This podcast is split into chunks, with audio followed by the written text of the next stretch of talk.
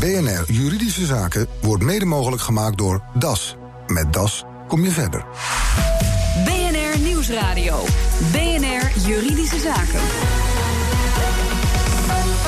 Paul van Liemt. Goedemiddag. Niemand die handelt alles lachend af als een huwelijk klapt. Maar voor ondernemers is het veel lastiger om een echtscheiding goed te regelen dan voor mensen in loondienst.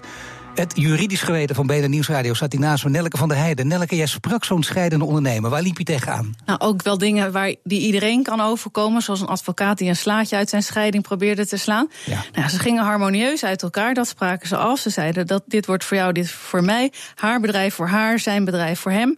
De mooie auto voor haar, de goede auto voor hem. Maar bijvoorbeeld, die mooie auto kwam wel uit zijn bedrijf. Oh. Nou ja, een bureau hielp ze om het allemaal op schrift te stellen. En daarna keek nog een advocaat ernaar. Eén advocaat, want ze waren er immers al helemaal uit. Om het vervolgens dan naar de rechtbank te kunnen sturen. Nou, die advocaat die wilde in eerste instantie al van alles veranderen. En die benaderde de exen ook los van elkaar om te zeggen: ik kan het voor jou nog wat beter regelen. Ja. En bij de rechtbank stuitte ze dan nog weer op een wachttijd. En toen dat allemaal dan rond was, ging de bank nog eens kijken hoe dat dan met allerlei financieringen smoest. Bijvoorbeeld voor een nieuw huis, hè, dat soort financieringen. Ja. En uh, daar liep je vooral tegen zijn eigen ondernemerschap aan? Ja, die bank die kwam dus in beeld inderdaad voor financiering van zijn, uh, van zijn eigen nieuwe huis. En voor het uitkopen van hem door zijn ex van het oude huis. Nou, toen bleek dat die bank zich helemaal niks aantrok van al die afspraken die ze gemaakt hebben.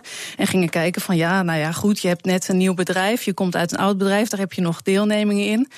Dat maakt je toch een beetje risicovol voor een financiering. En zijn ex was net over van een VOF naar een BV. Dat waren verschillende jaarrekeningen in één jaar.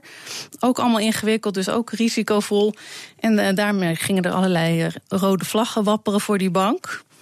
Nou, en ze waren in gemeenschap van goederen getrouwd. En uh, voor een eerlijke verdeling van de kosten voor het gezin uh, moesten ze dan ook inschatten naar wat dat loon is. En dat bleek voor ondernemers ook bijzonder moeilijk. Ja, omdat je eigenlijk min of meer een beetje zelf bepaalt wat je verdient. Maar uh, ja, je hebt tegelijkertijd ook winst. En wat doe je nou precies met die winst in, uh, in het huishouden? Oppassen dus als je ondernemer bent en getrouwd. Ben je getrouwd, Nelleke? Uh, nee. Nee, nou ik wil. Uh, mijn gasten vandaag, Alexander Leufting, familierechtadvocaat bij Link Advocaten... en Arnoud Oosveen, financieel expert op het gebied van echtscheidingen. Heren, de eerste vraag voor jullie uh, wil ik ook weten natuurlijk. Beide getrouwd, Alexander Leufting? Ja, ik ben getrouwd. Niet met elkaar natuurlijk. Arnold Oostveen ook getrouwd? Nee, ik ben getrouwd nee. geweest en inmiddels oh. heb ik voldoende geleerd als ondernemer. Ja, het lijkt me trouwens ook niet echt prettig om met een financieel expert op het gebied van echtscheiding of met een familierechtadvocaat te gaan trouwen. Dat lijkt me altijd wel weer een beetje lastig, of niet? Dat is een hele uitdaging inderdaad. Dat, ja. uh, zeker bij het opstellen van de huwelijksvoorwaarden. Ja, dus uh, allemaal nog steeds een lachend gezicht erbij. Dus het is in ieder geval goed gezicht. gegaan. Ja, Arnold Oostveen heeft het ook handig uitgespeeld bij de vorige relatie op goede wijze geregeld, zoals ik dat zelf ook voorsta. Natuurlijk, oh, wat een keurig antwoord. Kijken of het ja, keurig heren blijft tijdens dit uh, interview. Uh, kun je als ondernemer uiteindelijk, als je dit verhaal hoort... En, en als serieuze vraag, kun je beter niet trouwen? Nee, uiteraard niet. Dat, dat blijft natuurlijk een persoonlijke, emotionele keuze om te trouwen. Je moet gewoon goede afspraken maken. En daar begint het mee, denk ik. Maar in gemeenschap van goederen, is dat de slechtste afspraak die je kunt maken, hoe romantisch je ook bent ingesteld? Dat hoeft niet een slechte afspraak te zijn. Als je allebei uh, vrijwel niets hebt en je bouwt de onderneming tijdens het huwelijk op, ja, dan, dan heb je daar allebei aan bijgedragen. En kan dat een oplossing zijn? Ja, dat lijkt heel makkelijk. Maar stel nu dat de een daar heel hard voor werkt, althans uh, in, in de zin van ondernemen, en de ander ja. heel hard voor werkt in de zin van uh, huisvrouw die parties organiseert. Ja, dan doe je toch ook je best en doe je het, bouw je het samen op. Maar is het allebei even goed en duidelijk in geld uit te drukken? Nee, daar is wel degelijk sprake van een spanningsveld. Want hoe druk je dat inderdaad uit? Hè? De zorg voor de kinderen, uh, hetgeen in de huishouding gebeurt. En aan de andere kant de hardwerkende ondernemer die 70 uur per week of wellicht meer alles eraan doet om het beste voor zijn gezin uh, voor elkaar te krijgen. Dus dat, dat is heel erg lastig inderdaad. En dat vraagt ook om maatwerk.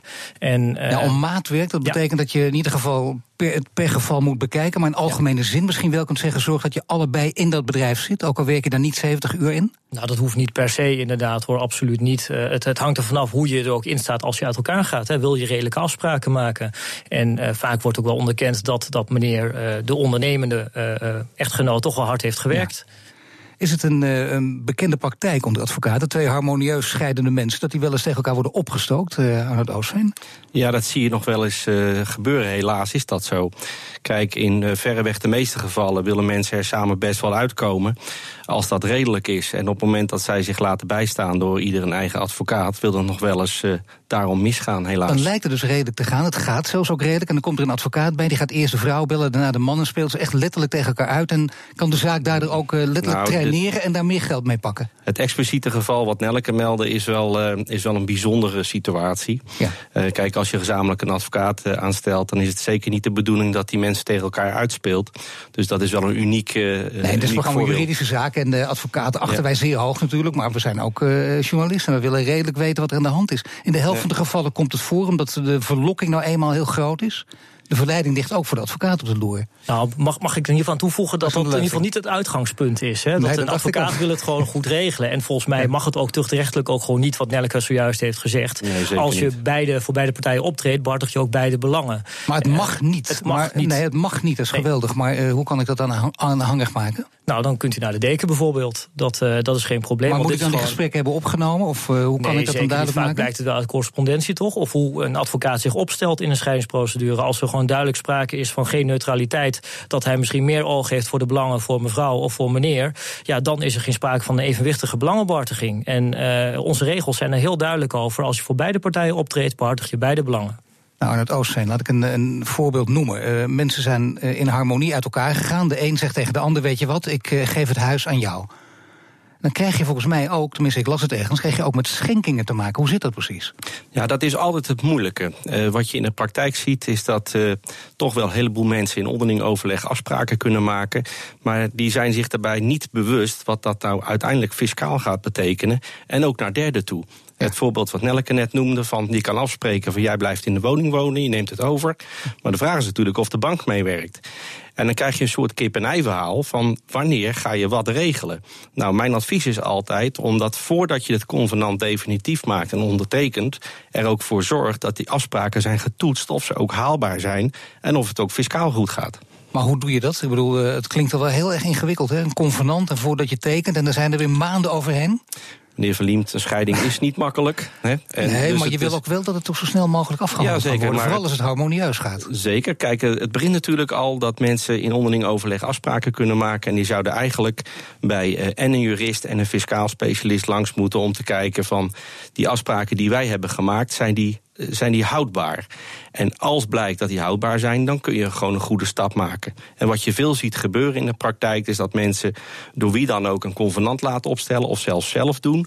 En dan achteraf tot inkeer komen en denken van hé, hey, maar dit gaat helemaal niet, dit werkt niet. Ja, dan uh, is het achteraf de problemen oplossen. En dat is veel ingewikkelder dan vooraf laten toetsen. Ja, dat kun je beter vooraf laten doen, Alexander Leufting. Maar toch, als je familierechtadvocaat bent, dan krijg je wel met deze zaken te maken. Mensen uh, zijn niet in de sterkste conditie uh, in dit soort situaties.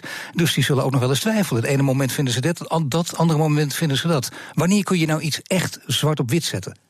Ja, het begint bij een goede voorlichting natuurlijk. Als mensen weten eh, waar ze afstand van doen of wat ze krijgen en op welke manier ze iets verdelen, dan maakt het ook makkelijker om bepaalde keuzes te maken. En uh, dan begint het dus bij, bij de voorlichting. En pas als partijen het erover eens zijn, dan begin je pas met het convenant. Toch is dus het er moet ook echt sprake zijn van, wil, van wilsovereenstemming. Hè? Want daar schort het ook nog wel eens aan. Dat je ziet nog wel eens een verschil in machtsverhoudingen of kennisniveau. En dat de een tegen de ander zegt. een voorbeeldje dat, eh, dat een man bijvoorbeeld uh, veel meer geld heeft en veel meer Nou, buiten dat. Maar gewoon, gewoon dat één partij uh, weliswaar geïnformeerd is, maar het misschien net niet helemaal goed begrijpt. Is dat in de praktijk toch steeds de man die dan de macht en de hersens heeft? Nou, zeker niet. Inmiddels is het wel, de wereld zit inmiddels anders in elkaar. Ja, maar hoe is het dan? Nou, het kan zo zijn dat als je een, een stel hebt, een willekeurig stel, of dat nou een man-man, een, man, uh, een vrouw-vrouw of een man-vrouw is, dat een van de tweeën een kennisachterstand heeft of geblokkeerd wordt door emoties. En dan zie je ook nog wel eens van, nou ja, laten we het dan maar zo doen, want dan zijn we er maar vanaf. Dan kunnen we verder met ons leven. dus dat zit er ook achter. En ik denk Raadt dat u dat altijd af of niet? Want dan ben je financieel natuurlijk de pineut, maar aan de andere kant, ja, dan ben je er ook lekker van af en dan ben je fris in je hoofd, dan kun je doorgaan. Nou, zeker niet. Kijk, uiteindelijk is het natuurlijk de vraag of je kiest voor je geluk of voor je gelijk. dus op het moment dat je jarenlang moet gaan procederen om je geluk te krijgen, of uh, sorry, je gelijk te krijgen, dan kan het wel eens een overweging zijn om met minder genoegen te nemen en te kiezen voor je eigen geluk, zodat je verder kunt gaan met je leven.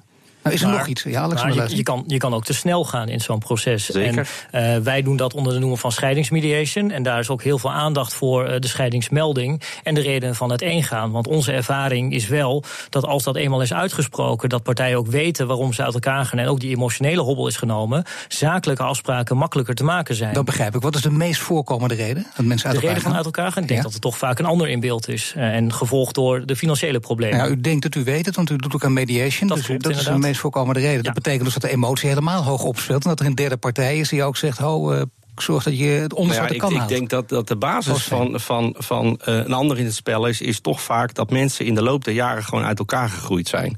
En dan uiteindelijk, om welke reden dan ook, hun geluk elders gaan beproeven. Maar de oorzaak zit veel dieper dan alleen die nieuwe partij. Dat zie ik vaak gebeuren Ja. in de praktijk. Ja. en wat betekent dat als je dat ziet gebeuren? Nou dan- dat je dus dan ook heel erg diep gaat in de mediation? Nou, dat zou ik zelf niet doen, maar mijn expertise ligt meer op het financiële fiscale vlak. Ja, maar Nou, kijk wij naar wij doen dat wel inderdaad. Dat, eh, dat, ja, wij hebben allemaal een, een specialistische opleiding daarvoor gevolgd. Eén juridische van een jaar en twee voor, voor mediator. Dus wij gaan wel degelijk ook de diepte in. In die zin dat wij ook echt die emoties bespreken. En zoals gezegd, dat, dat is ook heel erg belangrijk om tot, tot een goede regeling te komen. Want je kunt, en eh, dan gaat het weer over geld. En dan kijken we naar meneer Oostveen. eh, ja, Dank u, meneer Van Ja, zeker. En dan gaat het over geld. En dan gaat het bijvoorbeeld over, laten we toch het voorbeeld nemen van eh, de man die het meeste geld heeft, de vrouw die het minste geld heeft, omdat de onderzoeken nog steeds aantonen dat gro- de meest voorkomende verhouding is. En dat eh, die man zegt, nou, ik wil dit geld eh, aan de vrouw geven. En de vrouw zegt, wacht even, dat is te weinig. Waarom? Ik heb een bepaalde levensstandaard, namelijk designerkleding, mooie auto. Speelt dat mee of is dat alleen maar in comedies? Uh, nee, dat speelt zeker mee. Kijk, uiteindelijk gaat het erom dat als je gaat bepalen of iemand uh, behoefte heeft aan partneralimentatie, moet je gaan kijken naar wat het welstandsniveau is waarop partijen hebben geleefd. En ja, dat is echt uh, in het Dus simpelste de ene is gewend om naar een bistro te gaan en de andere Ja, of een gehaktballetje. En de andere wil echt eh, naar een Eh, uh, het- twee-sterren Waar restaurant. het eigenlijk op neerkomt is dat je dan moet zeggen van... kijk maar, dit, dit gaf ik af uit aan de kapper... en dit aan een nagelstudio en dit aan de bioscoop... en dit aan een restaurant. En ik ben gewend om voor dat bedrag maandelijks te leven. Dus je begint met een heel romantisch huwelijk... maar je vanaf de eerste dag wil bonnetjes bewaren. Dat zou een overweging kunnen zijn... maar Nou ik denk ja. niet dat dat de basis is van een goed huwelijk. Nee, maar u zou het wel aanraden. Nou ja, de vraag die u net stelde: van zou je nog trouwen als je ondernemer bent? Hè? Dat is natuurlijk uh, waar het natuurlijk om gaat. Van uh, in welke. Uh, kijk, mensen maar wat is gaan, het antwoord? Dan gaan we er dadelijk uitgebreider op door. Zou je trouwen als je ondernemer bent? Misschien niet. Uh, ik zou denk ik overwegen om niet te gaan trouwen. Straks, nieuwe wetgeving rond pensioen in eigen beheer zorgt voor nog meer stress voor ondernemers. BNR Nieuwsradio. BNR Juridische Zaken. De mooiste dag van je leven. De meeste mensen trouwen omdat ze het romantisch vinden, maar het is juist een zakelijke overeenkomst bij uitstek. Als ondernemer kun je het maar beter goed regelen. Ik praat erover met Arnold Oosveen, financieel planner, en Alexander Leufting, familierechtadvocaat. Ja, Arnold Oosveen, de mooiste dag van je leven. Ongetwijfeld, maar uh, ja, uh, u zijn net, net niet voor niets. Ondernemers kunnen beter niet trouwen. Wat bedoelt u daar precies mee? Nou, het is in ieder geval duidelijk dat uh, veel mensen zeggen... het is de mooiste dag van je leven... maar het is ook bij uitstek de duurste dag van je leven. Ja. He, het afhankelijk ook van uh, wat je op die dag uitgeeft... In en welk welk, geval was het zo? En welk huwelijksvermogensregime je kiest. Nee, in, in mijn geval, geval was dat echt wel anders. Oh. Ik heb duurdere dagen gekend. Oh. Uh, maar het punt is dat op het moment dat je ondernemer bent... en je gaat trouwen, dus het afhankelijk van of je wel of geen huwelijksvoorwaarden hebt... hoe je uiteindelijk binnen dat huwelijk zit. En het probleem van ondernemers is, is dat ze de verantwoordelijkheid hebben naar hun onderneming. En wellicht ook wel het personeel. En naar zichzelf toe. En dat is altijd lastig. Want uh, uh, als je bijvoorbeeld gaat vragen wat is een risicoanalyse. Ja, doodgaan is een risico. Arbeidsongeschikt worden is een risico. Maar het risico van uh, uit elkaar gaan is misschien nog wel veel groter. Voor het hele bedrijf inderdaad. je Precies. Een, dus, dus, dus de vraag, als de vraag mij wordt gesteld, zou een ondernemer moeten trouwen? Dan zou ik in ieder geval als eerste aan, in eerste aanvang zou ik zeggen, dat is niet verstandig. Want je moet zorgen dat de risico's van je privésituatie niet uitstraalt op die van de onderneming. Dus ik werk bijvoorbeeld in een uh, MKB-bedrijf uh, waar twaalf mensen werken. En ik kijk even naar uh, de man die het leidt. En die blijkt dan getrouwd te zijn. Dan wil je toch elke dag goed in de gaten houden hoe het met het huwelijk gaat.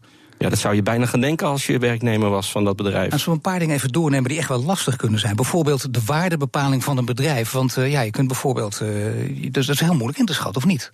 Ja, dat is bijzonder lastig. Maar voorafgaand daaraan is natuurlijk ook de vraag of uh, de onderneming moet worden gewaardeerd en of die ook moet, qua waarde moet worden verdeeld of moet worden verrekend. Dit is sterk afhankelijk natuurlijk van of je huwelijksvoorwaarden hebt of niet, of anderszins. Dus dat is wel belangrijk. Maar de waardering van onderneming is echt specialistenwerk. Dus mochten partijen daar in onderling overleg niet uitkomen, dan is het altijd aan te raden om daar een specialist voor in te huren die het bedrijf waardeert. En hoe zit het met uh, het loon inschatten? Want ja, hoeveel keer je zelf uit, hoeveel winst maak je? Dat is ook nogal een groot verschil. Ja, daar zit natuurlijk een groot verschil tussen of je directeur groot aandeelhouder bent of dat je IB-ondernemer bent. Daar zit een belangrijk verschil tussen. Kijk, voor een IB-ondernemer geldt van wat was dit jaar het resultaat en dat heb ik dit jaar verdiend. Bij directeur groot aandeelhouders zie je natuurlijk wel eens dat ze gewoon met een vast salaris op de loonlijst staan. Maar het blijft altijd ingewikkeld voor ondernemers om voor wat betreft de bepaling van de behoeften, bijvoorbeeld van alimentatie, en anderzijds de draagkracht om te kijken naar wat was het welstandsniveau tijdens het huwelijk en wat is later de draagkracht om iets te betalen. En ja. uh, Alexander Leufink, wat gebeurt er ook hè, tijdens uh, zo'n leven? Want je kunt in één jaar bijvoorbeeld uh, van VOF naar BV toe gaan, of je kunt ZZP'er zijn, of daarna op een heel andere manier ondernemer worden. Dat zijn ook allemaal lastige zaken. Die kunnen binnen een paar jaar grote veranderingen teweeg brengen. Wat betekent dat? Zeker, dat zijn hele complexe vraagstukken. En uh, vooral uh, als je dan kijkt naar de geldstromen, dan is het toch anders dan, dan iemand in loondienst.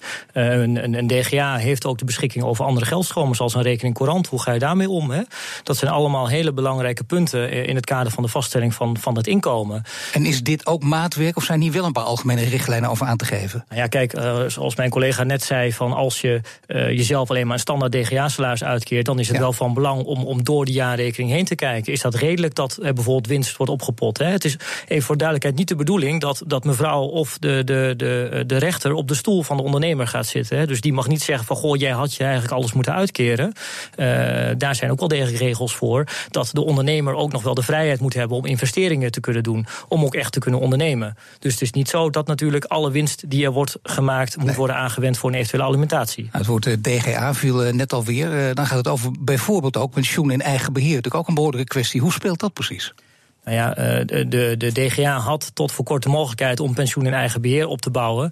Uh, dat kan nu niet meer. Uh, maar vroeger was dat wel echt een, een complex vraagstuk. Dat, dat werd gekeken naar wat doe je inderdaad met het ondernemersvermogen en het stukje aan pensioen wat daarin zit. Hè. en mevrouw heeft daar ongetwijfeld ook aanspraken op. En kan dat worden afgestort bijvoorbeeld? Hele ingewikkelde en complexe vraagstukken. Ja, daar hebben we Arnold Oossee voor. Die kan het allemaal uitleggen. Complexe vraagstukken nou, ja. zijn voor ingehuurd ook. Kijk, het pensioen eigen beheer, dat zie ik zelf als een soort tijd tijdbom die afgaat op het moment dat je uit elkaar gaat. Zo. En uh, wat, hoe werkt dat? Een ondernemer die reserveert een stukje vermogen op zijn balans om later pensioen van uit te keren.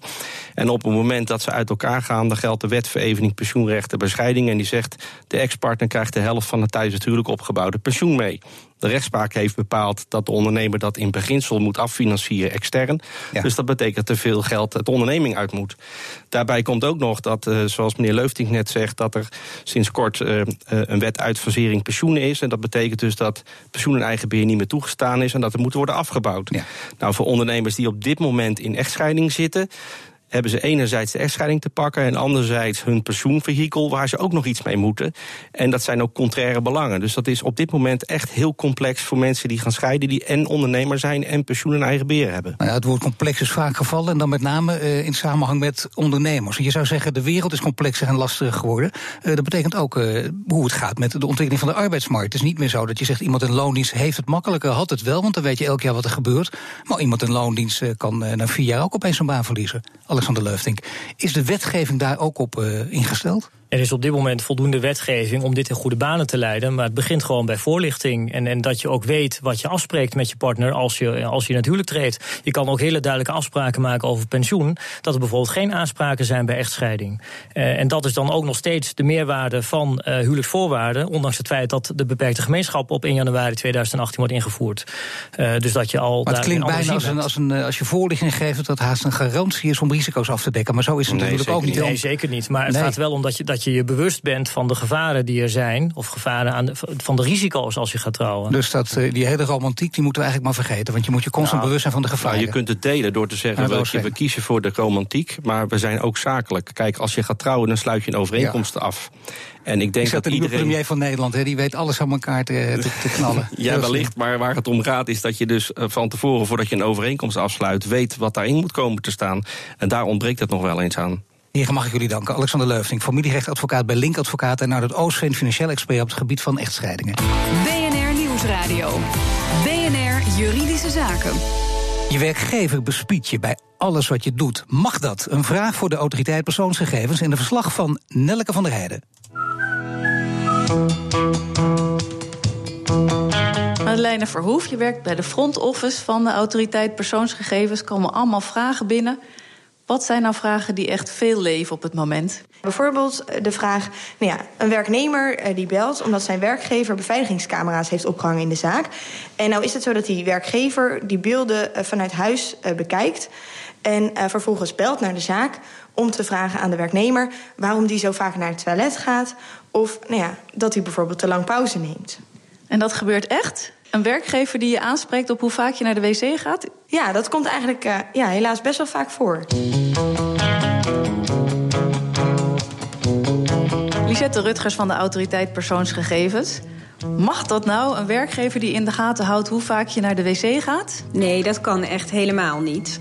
Kijk, je mag als werkgever natuurlijk wel camera's ter beveiliging ophangen... of ter beveiliging van zijn spullen en ook van je personeel... maar je mag vervolgens niet die beelden gaan gebruiken voor een heel ander doel. Namelijk om, het, om je personeel te controleren. Wat kan zo'n werknemer daar dan tegen beginnen? Nou, het eerste wat ik zou doen als het een groter bedrijf is... is stappen naar de ondernemingsraad. Want die zou sowieso bij cameratoezicht moeten worden betrokken. En wat de werknemer ook kan doen, is bij ons een klacht indienen. Ja, want ik kan me voorstellen voor een kleiner bedrijf dat het toch een beetje moeilijk is om je werkgever aan te spreken van hé, hey, dit mag niet. Misschien ben je wel bang je baan te verliezen. Ja, als werknemer uh, zit je in een afhankelijkheidsrelatie natuurlijk bij je werkgever. Dus dat is ook hartstikke lastig. Vandaar dat dit, dit ook voor ons echt wel een speerpunt is geweest jarenlang. We hebben ook veel onderzoek gedaan op dit punt.